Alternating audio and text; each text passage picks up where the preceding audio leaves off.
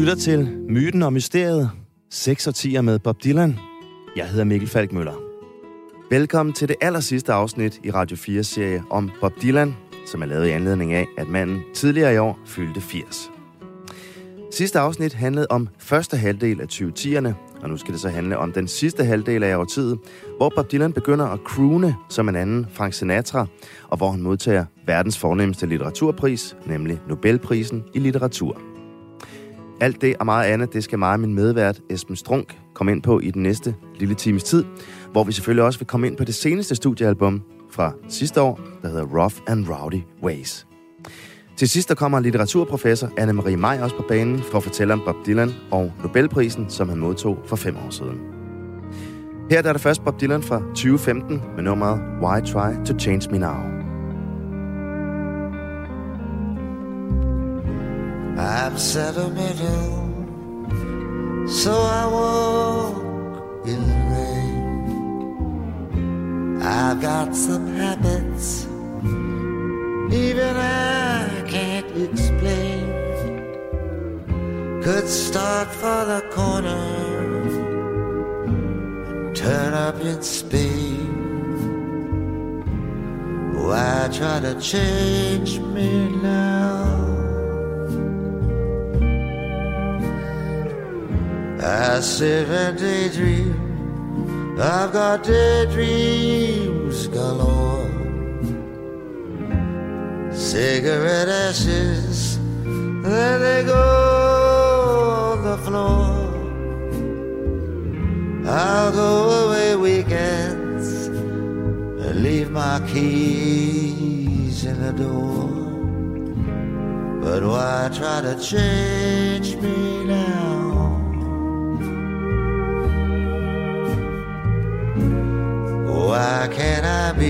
More conventional? People talk, people stare, so I try.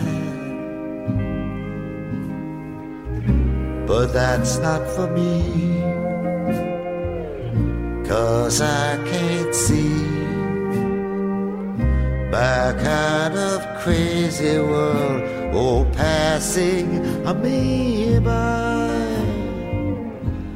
So let people wonder, let them laugh, let them frown. You know I love you till the moon's upside down. Don't you remember? I was always your clown. Why try to change me now?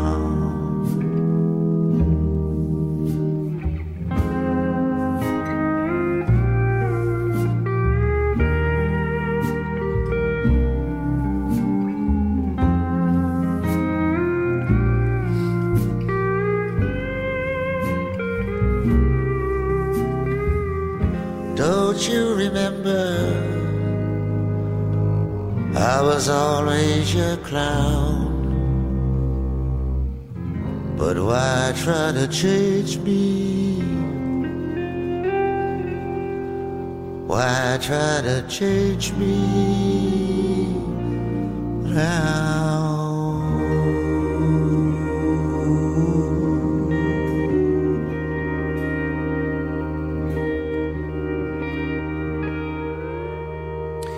Why Try to Change Me Now, croonede Bob Dylan lavmalt her fra albumet Shadows in the Night fra 2015. Og øh, velkommen tilbage, Esben Strunk. Vi er tilbage her, hvor vi skal gennemgå anden halvdel af Bob Dylans karriere i øh, det nyeste årti, 2010'erne. Og øh, det starter med, at nu her, hvor Bob Dylan er i midten af 70'erne, rent aldersmæssigt, så laver han øh, et øh, radikalt stilskift igen, øh, rent genremæssigt. Øh, fordi han pludselig begynder at indspille en øh, albums med en masse amerikanske evergreens, som især Frank Sinatra, han øh, gjorde store øh, i, øh, i 40'erne og 50'erne øh, og 60'erne. Og øh, det er jo måske sådan lidt skørt i en, i en alder af, af 75 og frem efter og, og begynde sådan at vil øh, være en crooner. Øhm, fordi der kommer altså det her Shadows in the Night album i 2015, og så kommer der et året efter, og også i, i 17 endda et tredobbelt album. Altså, hvad, hvad er det for noget, det her projekt her med at begynde at, at, at indspille evergreens og, og standards? Jamen, det er jo ikke så pludseligt, for det er jo et greb, han har foretaget flere gange tidligere i løbet af, af karrieren. Husk på, hans allerførste album jo er et coveralbum, hvor han spiller fortolker i en ganske ung alder fortolker rigtig gamle folk øh, blues forlæg. Ja. Øh, sidenhen har han gjort det af flere omgange. Han gør det på Self-Portrait coveralbumet fra 1970. Ja. Han gør det igen på de to øh, akustiske plader, uh, Good As I've Been To You og mm-hmm. World Gone Wrong fra Ja, 92 starten af 93. Ja. Øh, og så har han jo gjort det live hele vejen igennem, det her med at dykke ned i en stor øh, folkelig, øh, fortrinsvis amerikansk øh, sangskat, øh, og fortolke det. Så det er ikke noget, som, som, som kom bag på dig, eller var sådan et øh, radikalt skift, synes du? Nej, det synes jeg egentlig ikke som sådan. Jeg synes, det giver god mening, det her, som vi også har talt om tidligere med, at Dylan på både er en stor original øh, kunstner, og på mange måder en meget moderne kunstner også, men han er også en stor traditionalist, og han er en kunstner, der er rundet af en folkelig tradition, øh, og ikke kommer fra et finkulturelt sted. Mm-hmm. Altså, der er jo store litterære kvaliteter i, i store dele af Dylans sangskrivning, men han er jo ikke en litterær figur som sådan, på samme måde som Leonard Cohen for eksempel øh, var det. Mm-hmm. Altså for mig, så synes jeg, at øh, forskellen ligger i, at øh, nogle af de andre perioder der, hvor han er sådan coverartist, øh, det er sådan måske sådan lidt mere rock, eller øh, ikke mere rock, men mere sådan råt og sådan akustisk, øh, sådan øh, nedbarberet. Men det her, det er jo sådan nogle, altså, det er jo sådan nogle big band øh, versioner nærmest. Øh. Jo, men genistregen er jo, at det er, nogle, det er nogle sange, som oprindeligt blev lavet med big band, men hvor det jo faktisk er hans faste øh, musikere, altså turnéband, som er, som er et rockband, mm-hmm. øh, country, folk, blues ja. rock band, øh, som som øh, spiller de her sange, altså de er arrangeret til dem, og det, det gør de jo ganske glimrende øh, og med, med stor fornemmelse for, Ja. for materialet. Ja.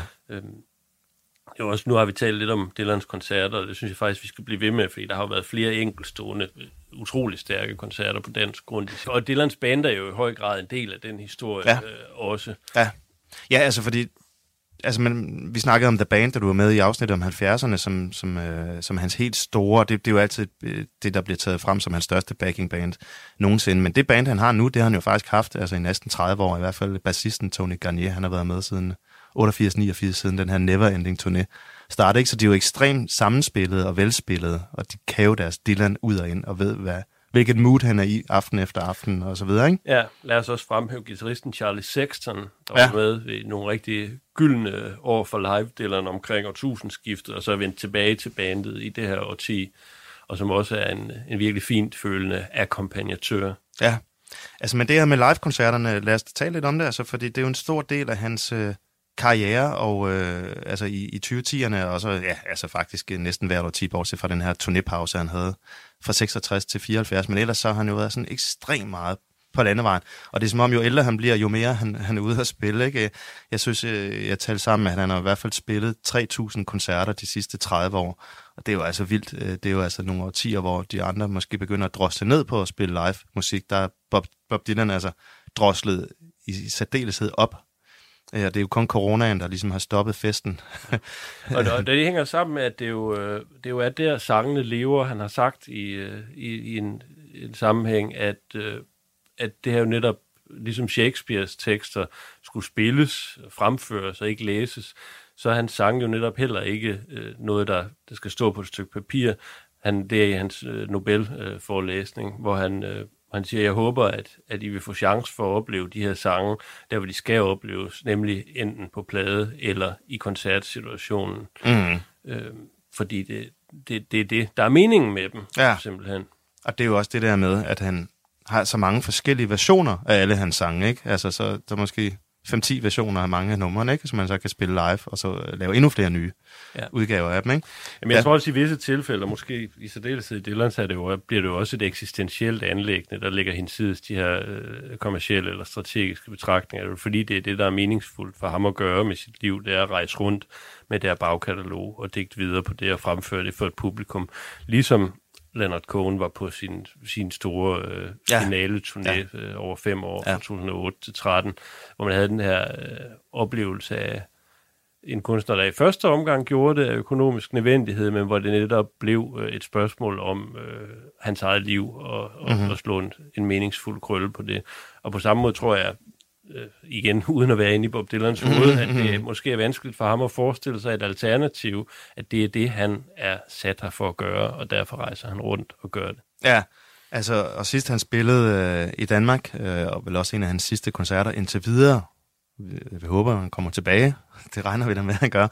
Øhm, men der spillede han jo på Roskilde Festival, og det tænker jeg også, det var helt skørt. Bob Dylan var 78 og var hovednavn igen på Roskilde Festival. Altså det gennemsnitsalderen er 24 år på Roskilde Festival, ikke? Hvad, hvordan var den koncert, du var inde og se den, ikke? Jo, du var der? jeg synes, det var en meget lykkelig begivenhed. Også fordi, at man kunne godt frygte, at det på en eller anden måde ville falde igennem på orange scenen mm-hmm. blandt det her øh, unge øh, publikum. Øh, det har man tidligere oplevet andre eksempler på. Chris Christofferson på orange ja, scenen for nogle år siden. Det var, det var en, en pinefuld oplevelse. Ja. Øh, det var ikke min oplevelse ved Dylan-koncerten. Øh, ja, det er nok også noget konkret med, hvor man står og sådan noget. Jeg stod mm. relativt tæt foran. Men øh, jeg havde en oplevelse af, at, at der var et ung publikum, der rent faktisk også lyttede og værdsat det her. Jeg kan huske, der var en, en stund, hvor han øh, midt under Girl from the North Country, mm-hmm. hvor der lige pludselig opstod spontant bifald. Simpelthen fordi det var så indlysende, fremragende og besjælet, det der skete lige der. Og det kunne folk også, uden at have den store øh, Dylan-historik på plads, øh, fornemme og høre, at det var noget stort, de oplevede der. Og det var, ligesom i den fynske landsby, der otte år tidligere øvrigt, en, en glad og virkelig veloplagt Dylan, der synlædende nød at, at, at øh, lave sit arbejde mm-hmm, den mm-hmm. aften der på scenen. Jeg oplevede det som en stærkt inspireret øh, koncert. Ja, jeg husker også nogle fantastisk smukke koncerter i Operan 2017. Det, det klæder ham virkelig at spille øh, de der små koncertsale, hvor der er super skarp akustik, og hvor øh, altså man kan høre en knappenål falde til gulvet, ikke? Altså det, det er virkelig sådan, det synes jeg er helt magisk, og det har han jo begyndt at gøre meget, altså i stedet for at spille sådan i en stor hal, så spiller han to-tre koncerter i hver by i sådan et mindre spillested. Well, there ain't no use to set out of my brain. But you don't know by now There ain't no use On to my babe. It don't matter anyhow. But you lose the crew out of the vacant door without your window. And I'm gone, you're the reason. I'm tired and all,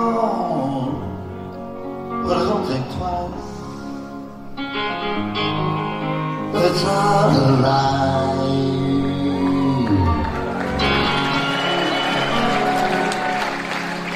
But I know you turn on your light, babe. The light I, that I never know. But it ain't no use turning on your light, babe. I'm on the black side of the road. Still, I wish there was something you never say. That's why you met me. Change my mind and stay. We never did too much. Talking anyway. So don't think It's Og så er der jo også sket det, det var noget, der indtraf omkring den koncert i 14 uh, her i Aarhus, du talte om før, at han er begyndt rent faktisk at læne sig op af en, af en setliste. Ja, ja, ja. Uh, sådan har det jo ikke været gennem mange år, hvor det har virket øh, meget spontant, hvad ja. han har valgt at spille. Det har indimellem virket, som om hans eget band ikke engang helt var klar ja, over det. tror jeg øh, bestemt. og, det har, og det har skabt nogle af til... Øh, altså bevares, det her overraskelsesmoment har været rigtig spændende ja, ja, for, det, for det, os det, fans, ikke? Ja, men det har ja. også skabt et lidt rodet udtryk indimellem. Ja. Øhm, hvor jeg synes det her med, at han er begyndt at, at spille efter sætliste, ja. rent faktisk har, har skærpet udtrykket ganske ja, ja. gevaldigt. Ja, det er nemlig også en af de skift, der har været her i, i de sidste 10 år, at han, han netop spiller faste setlister, altså det samme nummer, sådan til, når han er på turné, så spiller han simpelthen de samme numre i, i rækkefølge. Så bandet ved, hvad der foregår, og måske også, så han selv ved, hvad der foregår, ikke? Altså, han er jo altså blevet en ældre herre nu her, ikke? Mm. Altså i sidste ende handler det om at, at, tage, at tage det kulturelle udtryk alvorligt, og øh, i al respekt for Rolling Stones, øh, eller U2, eller Madonna, mm. eller alle mulige andre, men, men jeg synes måske, at øh, i virkeligheden har rock, og specielt den, den begavede rockmusik, som Dylan indstiftede i 60'erne, har jo potentiale til mere end bare at være underholdning. Øh, så det kan jo være fint nok at gå ud og få et nostalgisk show, men øh, som kulturel udtryksform, og nu bliver det en lille smule højt flyvende, men det synes jeg egentlig også, der er grund til mm. her, mm. der har, øh, der har rocken jo potentiale til at, øh, at række langt ud og langt ind i os og tale til både intellektet, men også til, til nogle ting, der unddrager sig sproglig beskrivelse. Det er jo det, der gør det til en så uh, inciterende kunstform, så enestående kunstform, som det er, at man kan blive, uh, blive løftet af at være til en rockkoncert på en måde, som jeg i hvert fald personligt ikke rigtig har oplevet ved andre uh, kunstformer. Mm. Samme her, ja.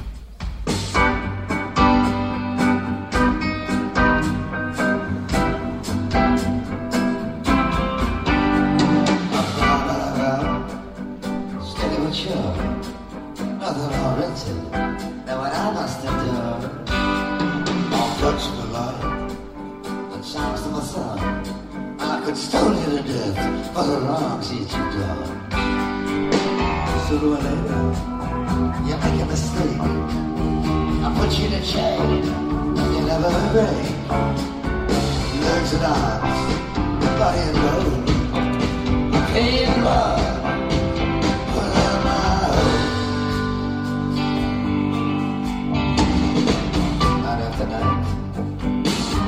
day, they still feel humans to themselves the. The more I take, the more I give, the more I die, the more I give.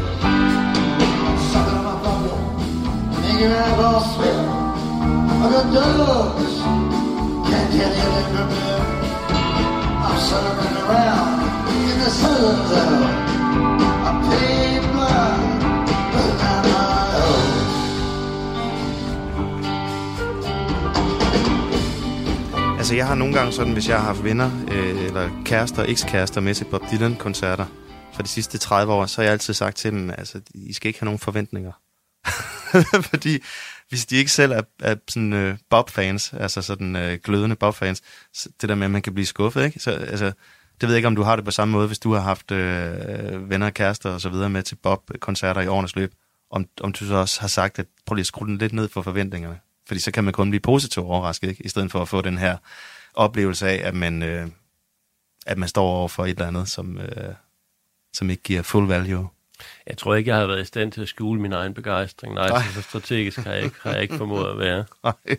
Ej, men jeg tror i virkeligheden, øh, selvom det, det bliver jo måske en, sådan en smule øh, prætentiøst og højt men jeg tror i virkeligheden, den, den her sådan lidt sådan romantiske tilgang til det giver mening, øh, at, at det bliver et vindue ind i øh, en dimension, som er noget andet end den prosaiske virkelighed, der omgiver os.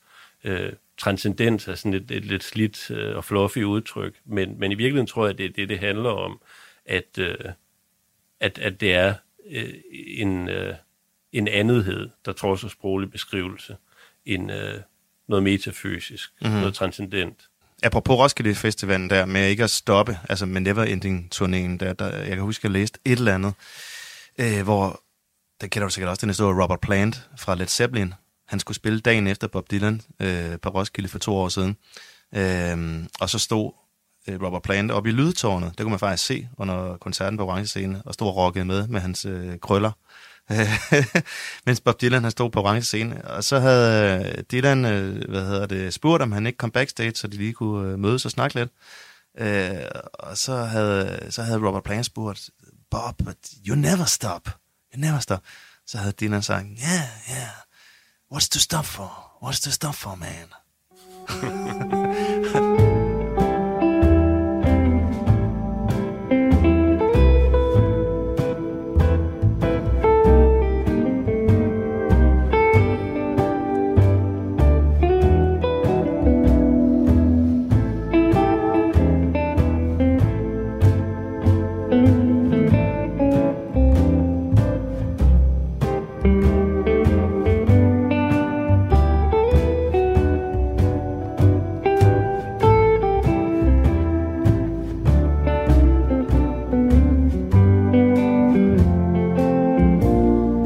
Sometimes I wonder why I spend my lonely nights dreaming of a song.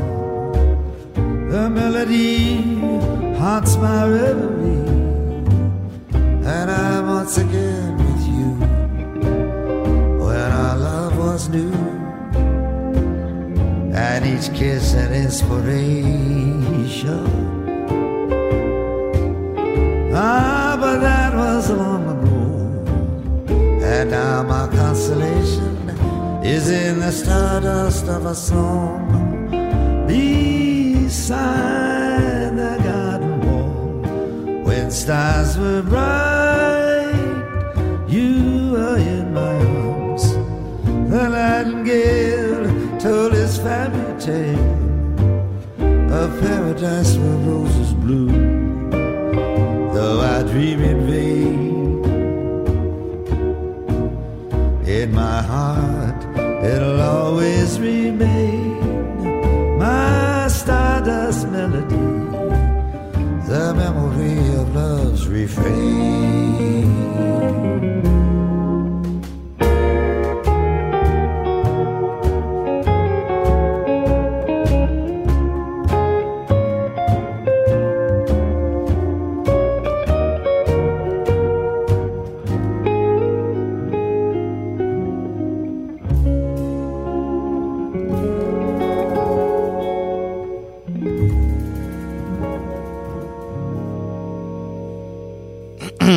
Får Nobelprisen, og det har vi været inde på, øh, for fem år siden i 2016, som den første sangskriver nogensinde. Hvad synes du, øh, hvad tænkte du, øh, da du fik det at vide, og det blev afsløret? At det, øh, det var et ret kontroversielt valg. Det, det, det delte vandene lidt, ikke? Jo, det, var, det undrede mig meget, at det var et kontroversielt valg i 2016. Altså en ting er, at det kunne have været det for 30 eller 40 år siden, men øh, netop takket være Bob Dylan, troede jeg egentlig, at de her sådan vandtætte skodder imellem popkultur og, og, og finkultur var nedbrudt. Det var jo lige præcis det, Dylan gjorde, øh, da han i sin tid indstiftede den litterære rocksang i midten af 60'erne med Highway 61 Revisited og Ja. On Blonde-pladerne, Bringing It All Back Home. Øh, det var simpelthen en, en eksplosion, en eksplosiv udvidelse af mulighedsrummet for både litteratur og popmusik, der fandt sted der. Mm-hmm. Og at der så stadigvæk, øh, så mange år efter, kunne stå folk i ramme alvor og være farvet over, at, øh, at Nobels litteraturpris skulle tildeles en, en popsanger i anførselstegn, synes jeg vidnede om en, øh, en reaktionær øh, kunstopfattelse, som øh, overgik øh, min forstand. Øh, for mig er det jo på den ene side kan man sige, at Dylan netop ikke er litteratur. Dylan er netop noget andet øh, end litteratur, og der, der i består hans store force. At det, jo- det er jo ikke nødvendigvis nogle sange, der lever på papiret. De, den performative dimension er så væsentlig.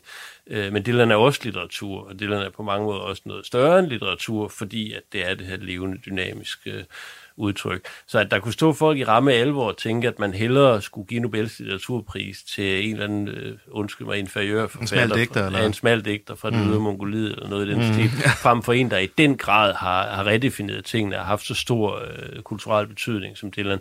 Det, det synes jeg alt talt var tåbeligt, øh, må jeg sige. Ja. Øh, det er jo, men det er så hans rent historiske betydning. Man sige litterær kvalitet. Hvad fanden er litterær kvalitet? Altså, det er jo ret svært at, at mm-hmm, opstille mm-hmm. nogle objektive mm-hmm. standarder øh, for, øh, igen, fordi som jeg har gentaget flere gange i løbet af den her udsendelse, for- fordi det, jo- det digt jo netop ikke sk- skal forklares eller udlægges, fordi de bare er der. Mm. Øh, øh, men, men jeg synes, jeg synes af, af flere gode grunde, at det var et indlysende rigtigt valg at give ham. Man kan så til gengæld indvende, at det måske havde givet endnu bedre mening ud fra sådan en streng litterær betragtning at tildele prisen til Leonard Cohen, som vidderlig er en litterært formfuld en, mm-hmm, øh, sangskriver. Mm-hmm. Øh, det kunne jeg godt have undet ham, inden han forlod øh, denne verden. Men jeg synes øh, ikke overraskende, at, at det gav mening at, at give den til Dylan. Og jeg synes, Leonard Cohen, han kommenterede jo faktisk også på det, det et par måneder inden, før han døde, ikke? Ja. Øh, hvad var det, han sammenlignede Bob Dylan med Mount Everest, eller der var et eller andet? Ja, det er sandt.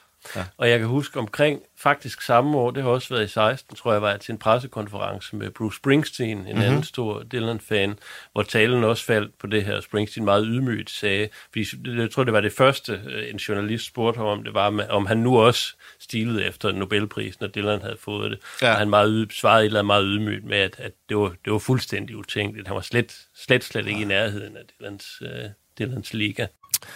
Esben, lad os øh, komme lidt videre med Bob Dylan og Nobelprisen i litteratur. Øhm, jeg har nemlig også talt med litteraturprofessor på Syddansk Universitet, Anna-Marie Maj, om øh, Dylan og Nobelprisen. Og det indslag, det skal vi høre lige om lidt. Men øh, inden da, så lad os høre noget af den tale, som Bob Dylan sendte til det svenske øh, Nobelakademi, og som blev læst højt til, øh, til den store prisoverrækkelse af den amerikanske ambassadør i Sverige. Bob Dylan han var ikke selv til stede ved, ved prisoverrækkelsen af, af uvisse årsager, men øh, lad os høre lidt af hans takketale her, inden Anna-Marie Maj kommer på banen.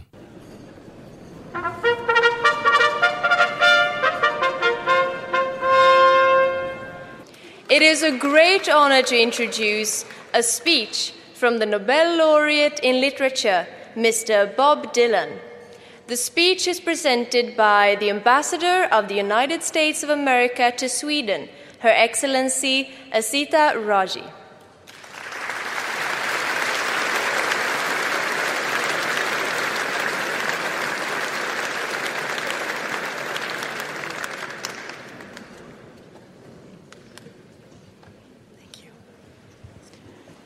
Thank you.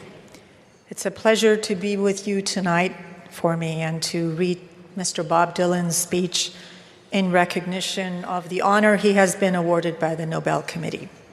Here it is. Good evening, everyone. I extend my warmest greetings to the members of the Swedish Academy and to all of the other distinguished guests in attendance tonight. I'm sorry I can't be with you in person, but please know that I am most definitely with you in spirit and honored to be receiving such a prestigious prize. Being awarded the Nobel Prize for Literature is something I never could have imagined or seen coming. From an early age, I've been familiar with and reading and absorbing the works of those who were deemed worthy of such a distinction Kipling, Shaw, Thomas Mann, Pearl Buck, Albert Camus, Hemingway.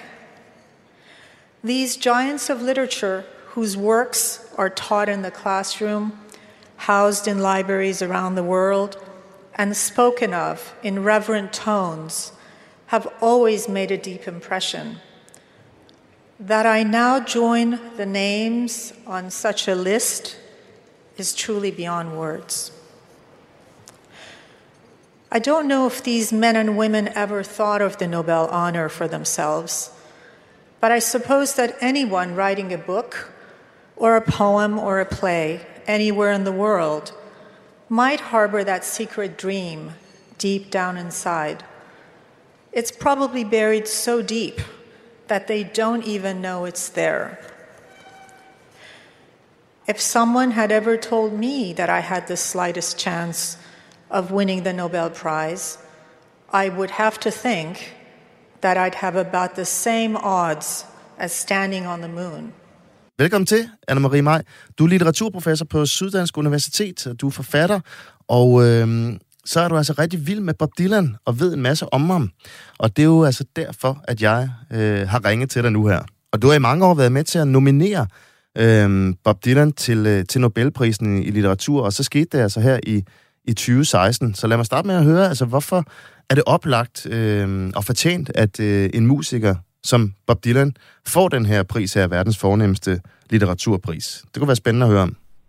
Jo, jeg synes jo, at øhm, han har virkelig været med til at forandre litteraturen og forandre den litterære kultur på den måde, at øhm, den, den stærke dækning, den der også eksperimenterer og tør noget med følelser og udtryk, den ikke alene er sådan noget, der står i små bøger på pæne hylder, men er noget, der lever blandt mennesker og når rigtig langt ud. Det synes jeg, at øh, det er virkelig noget ganske særligt, at det er lykkedes for ham at forandre litteraturen og kulturen på den, den litterære kultur på den måde. Og så jeg synes, det var helt oplagt, at han skulle have Nobelprisen øh, for det. Og jeg var jo selvfølgelig meget glad, da det, da det så skete der mm-hmm. i 16, og øh, få lov til at, at opleve, at det faktisk øh, blev til virkelighed. Ja, altså det var jo virkelig noget, som, som delte vandet, ikke? Altså, øhm, og der er mange, der mener, at det, det var jo, altså, man skulle jo selvfølgelig have givet den til en, som kun havde øh, udgivet litterære værker, og ikke havde blandet sig i den populær kulturelle øh, verden og, og været musiker osv. Men du synes altså, det var fortjent, og, og hans tekster godt, øh, kan de godt stå alene, og øh, kan man godt øh, få noget ud af dem, uden at musikken er blandet ind i det? Jamen, det kan man sagtens. Altså, øh, selvfølgelig så øh, behøver man ikke at gøre det, fordi musikken er der jo, og tekst og musik virker sammen. Men teksterne er også i sig selv stærke, og Dylan har jo i øvrigt øh, for uden sine mange, mange sange, øh, det kæmpe katalog, han har, der har han jo også skrevet, øh, han har også skrevet digte, som han har, har offentliggjort og mm. sat øh, til dansk af Dan Turell, Mit liv i et stjålet øjeblik, sådan en fin lille øh, serie digte. Så har han skrevet en roman, øh, som øh, er en øh, ja, meget eksperimenterende tekst, men, men tiden har ligesom været med den, vil jeg sige, at den er mere læselig i dag, end den var, da den udkom i 70'erne. Det er den der altså, Tarantula, er, ikke? Fra, den, øh, den kan også læses, men, men altså, man behøver jo ikke at abstrahere fra, fra melodierne. De er der, og lad det da virke sammen, ligesom det gjorde for, i, i, med folkevisedækningen ikke? og troubadourernes dækning. Øh, det er jo musik og, og ord, der når hinanden, og det, det synes jeg, det skal man, man kan sagtens læse teksterne, men man behøver ikke at se bort fra melodierne. Mm, det er jo også svært i hvert fald, synes jeg. Altså, jeg har jo altid melodierne i hovedet, når man sidder sådan og, og prøver at læse teksterne. Altså, det, det er svært at adskille i hvert fald, hvis man kender hans musik, ikke?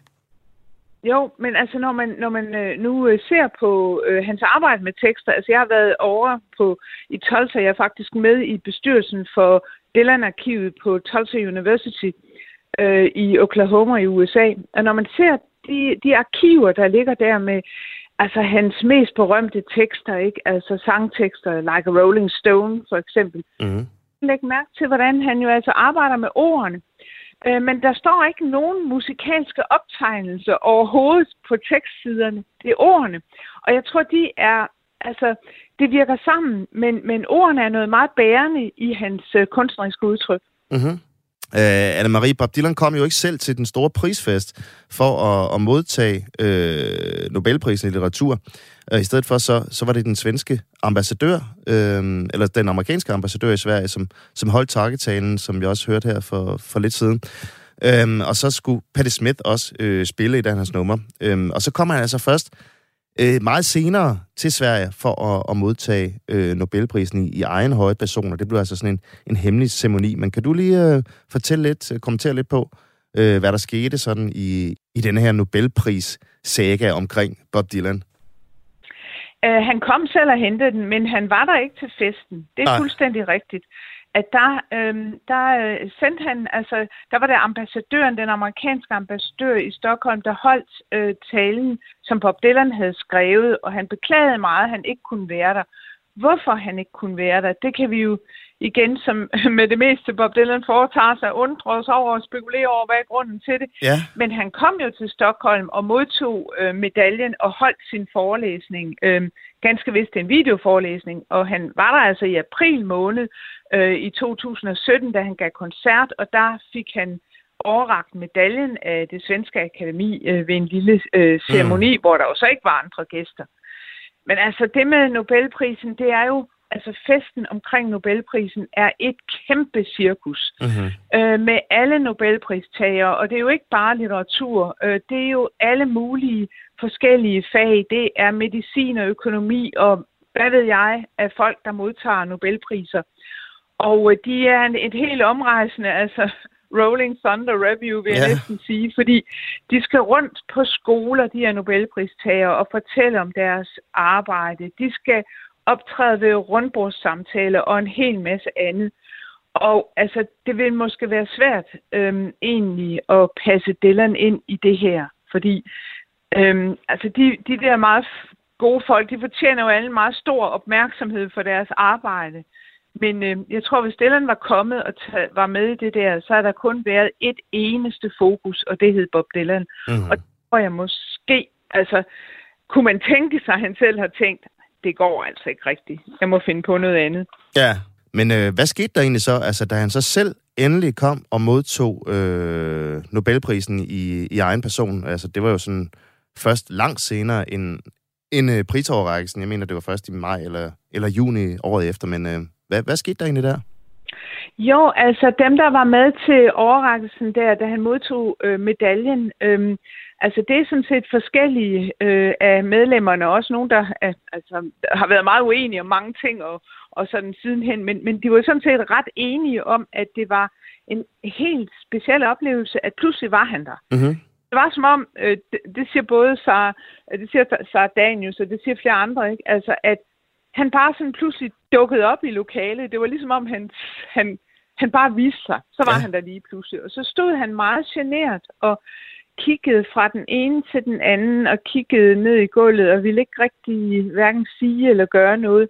Indtil der så var et af medlemmerne, der brød isen og sagde, nu skal du se medaljen, og så blev han meget optaget af, hvor fin den egentlig er, ikke? Altså, det er jo et, øh, noget af, altså et klenod at få, ikke? En guldmedalje, som, hvor man kan se musen, øh, der spiller for en ung mand, ikke? Altså, ja. øh, meget smuk, smuk, smuk øh, medalje, og, og, og så talte man lidt om den, og så, så gik han igen, men indtrykket var en meget, meget genert og tilbageholdende øhm, øh, mand, som ikke buser, sig, buser frem på nogen måde, men ligesom kigger og lurer, ser på situationen og hvad er det, der sker her. Mm. Tusind tak for, at jeg må ringe til dig, Anna-Marie Maj, litteraturprofessor ved Syddansk Universitet. Og så lad os runde denne her Bob Dylan Nobelpris snak af med at lytte til øh, noget af den sang, som Patti Smith hun spillede ved prisoverrækkelsen. Hun skulle opføre Hard Rain's Gonna Fall, øhm, og øh, der sker altså så det, at efter første vers, så kan hun faktisk ikke huske teksten. Det er også en meget lang tekst, vil jeg lige sige til hendes forsvar, men hun er simpelthen så berørt og nervøs øh, ved at optræde ved den her store og meget sådan præcisiøse øh, prisoverrækkelse med de kongelige og, og hele det, det svenske parnas. Øh, så, så teksten glipper altså, men det lykkes hende så at, at huske teksten øh, igen efter en lille kort pause her, og, øh, og så får hun den altså filt i land til sidst. Lad os lytte til det her.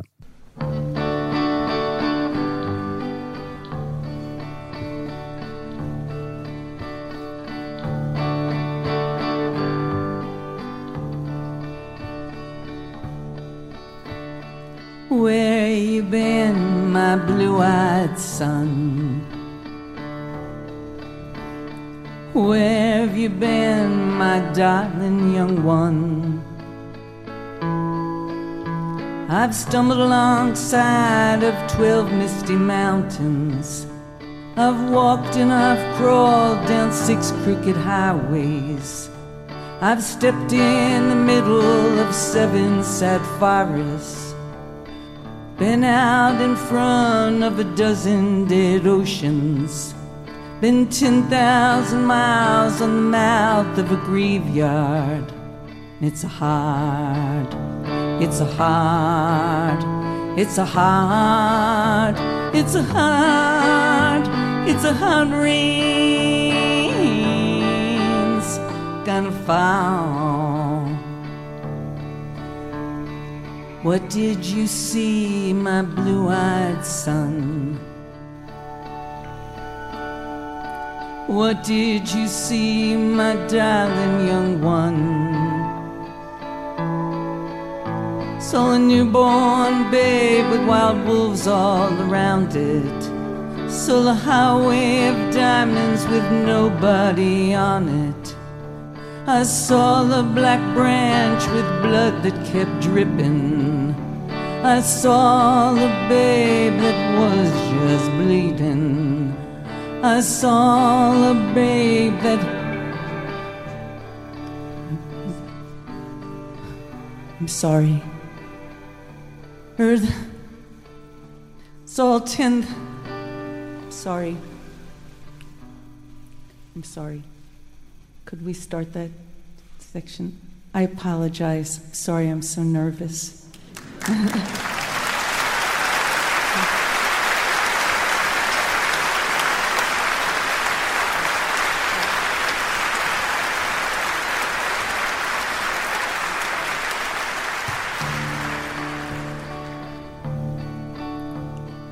newborn babe with wild wolves all around it. So a highway of diamonds with nobody on it. I saw a black branch with blood that kept dripping. Saw a room full of men whose hammers were bleeding. I saw a white ladder all covered with water. I saw 10,000 talkers whose tongues were all broken. I saw guns and sharp swords in the hands of young children.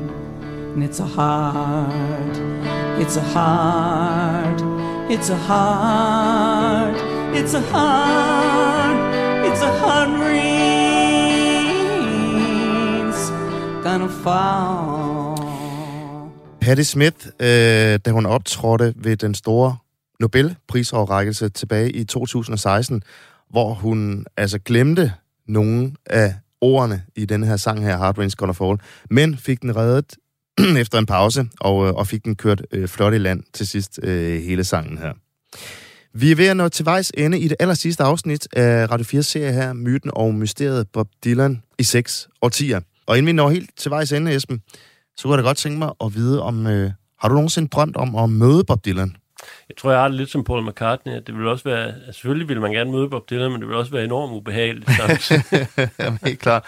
Altså sådan, øhm, jeg kan huske, øh, jeg kender en, som, øh, som holder sådan nogle Beatles, øh, Beatles-ture i Hamburg.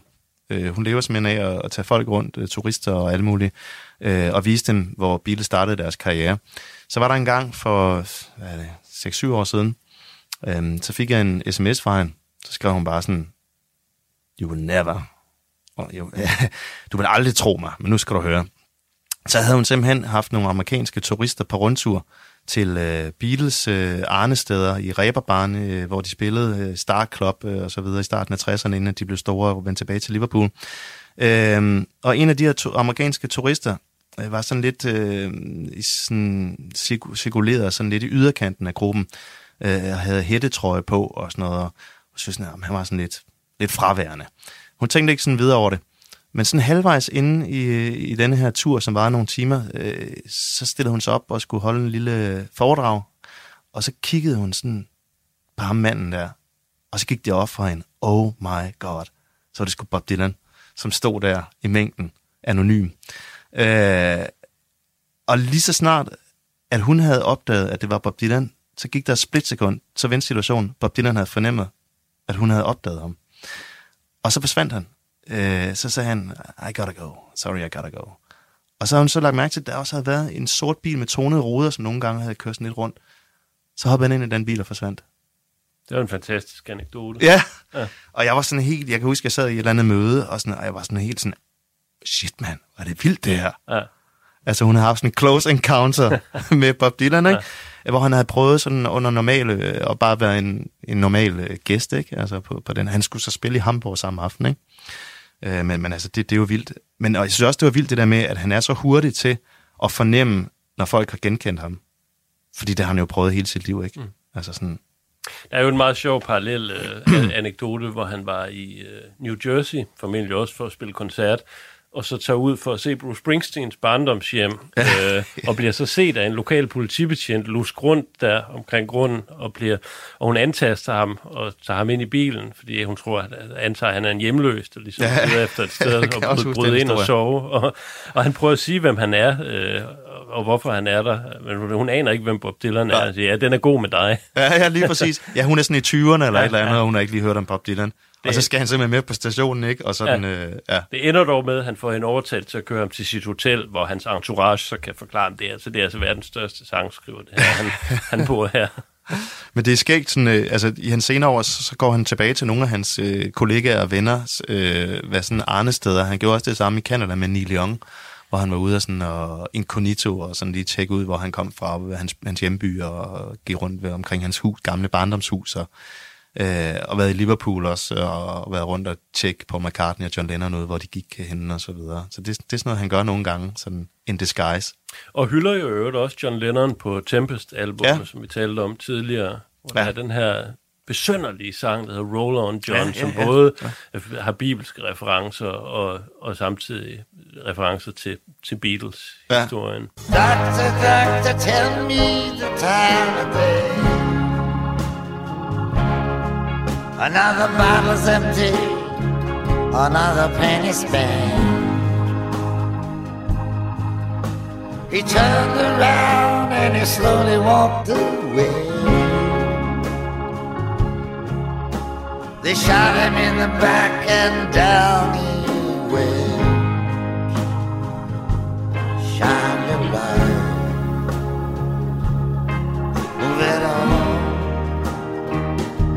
You burn so bright,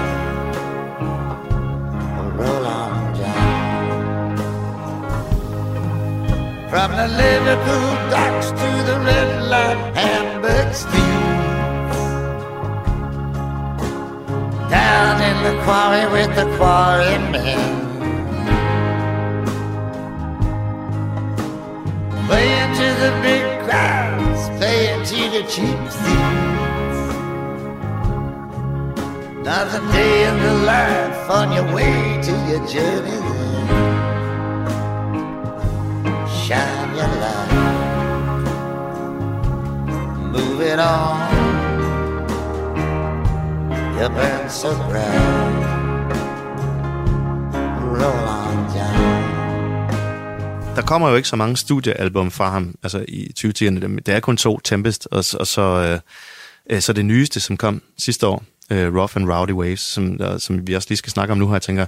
Øhm, men han er jo begyndt sådan virkelig at name-droppe, altså på hans ældre år, ikke? Altså sådan virkelig sådan personlige og virkelige personer, som han bare sådan virkelig name-dropper i en lindstrøm.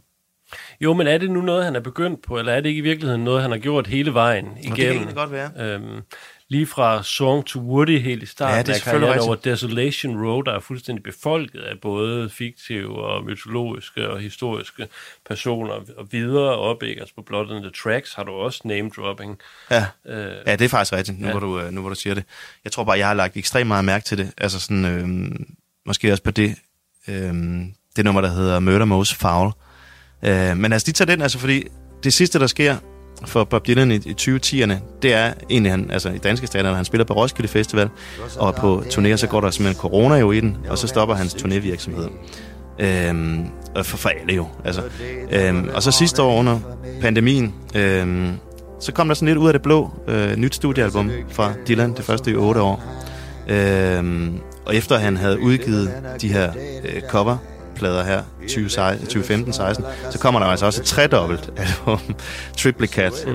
med endnu øh, en, en, en kæmpe stor mængde øh, standardversioner af Crooner. Der tænker jeg, der var jeg i hvert fald gået kold i den. Altså, jeg ved ikke, hvordan du havde det. Øh, Der, der tænker jeg, ah, okay, nu, nu, nu må det være nok, ikke? nu vil vi gerne have et rigtigt... Ja, lige præcis. Ja. Det er næsten ikke lyttet til det, må jeg indrømme. Altså. Øh, men der kommer altså så det her øh, nye studiealbum, og jeg tænker, wow, mand, altså, han er blevet øh, 79, ikke? Nu kommer der sgu et nyt studiealbum igen. Øh, hvad, hvad er det for et album, der kommer her sidste år?